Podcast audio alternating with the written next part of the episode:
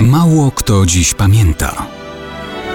Datownik historyczny prezentuje Maciej Korkuć.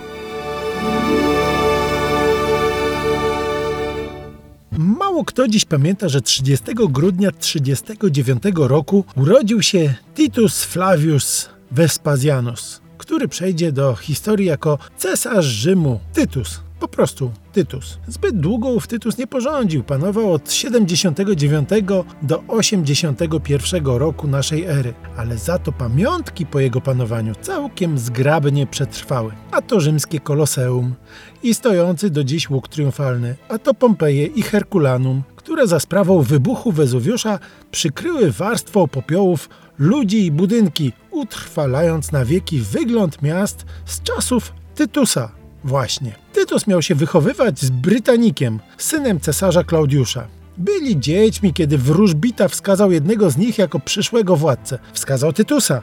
Powiedziano mu uprzejmie, że się myli, bo to ten drugi jest synem cesarskim.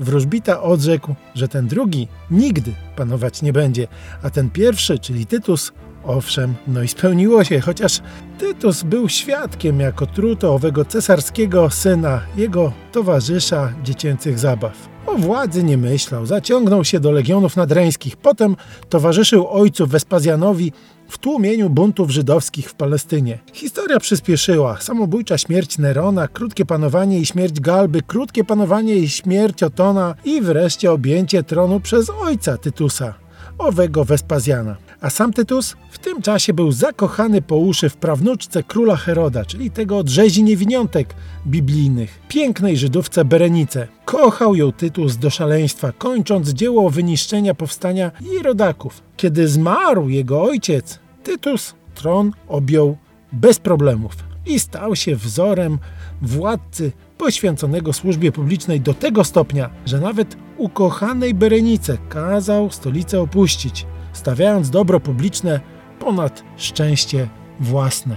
Panował bez napięć i skandali jakichkolwiek, czym odróżniał się od wielu swoich poprzedników.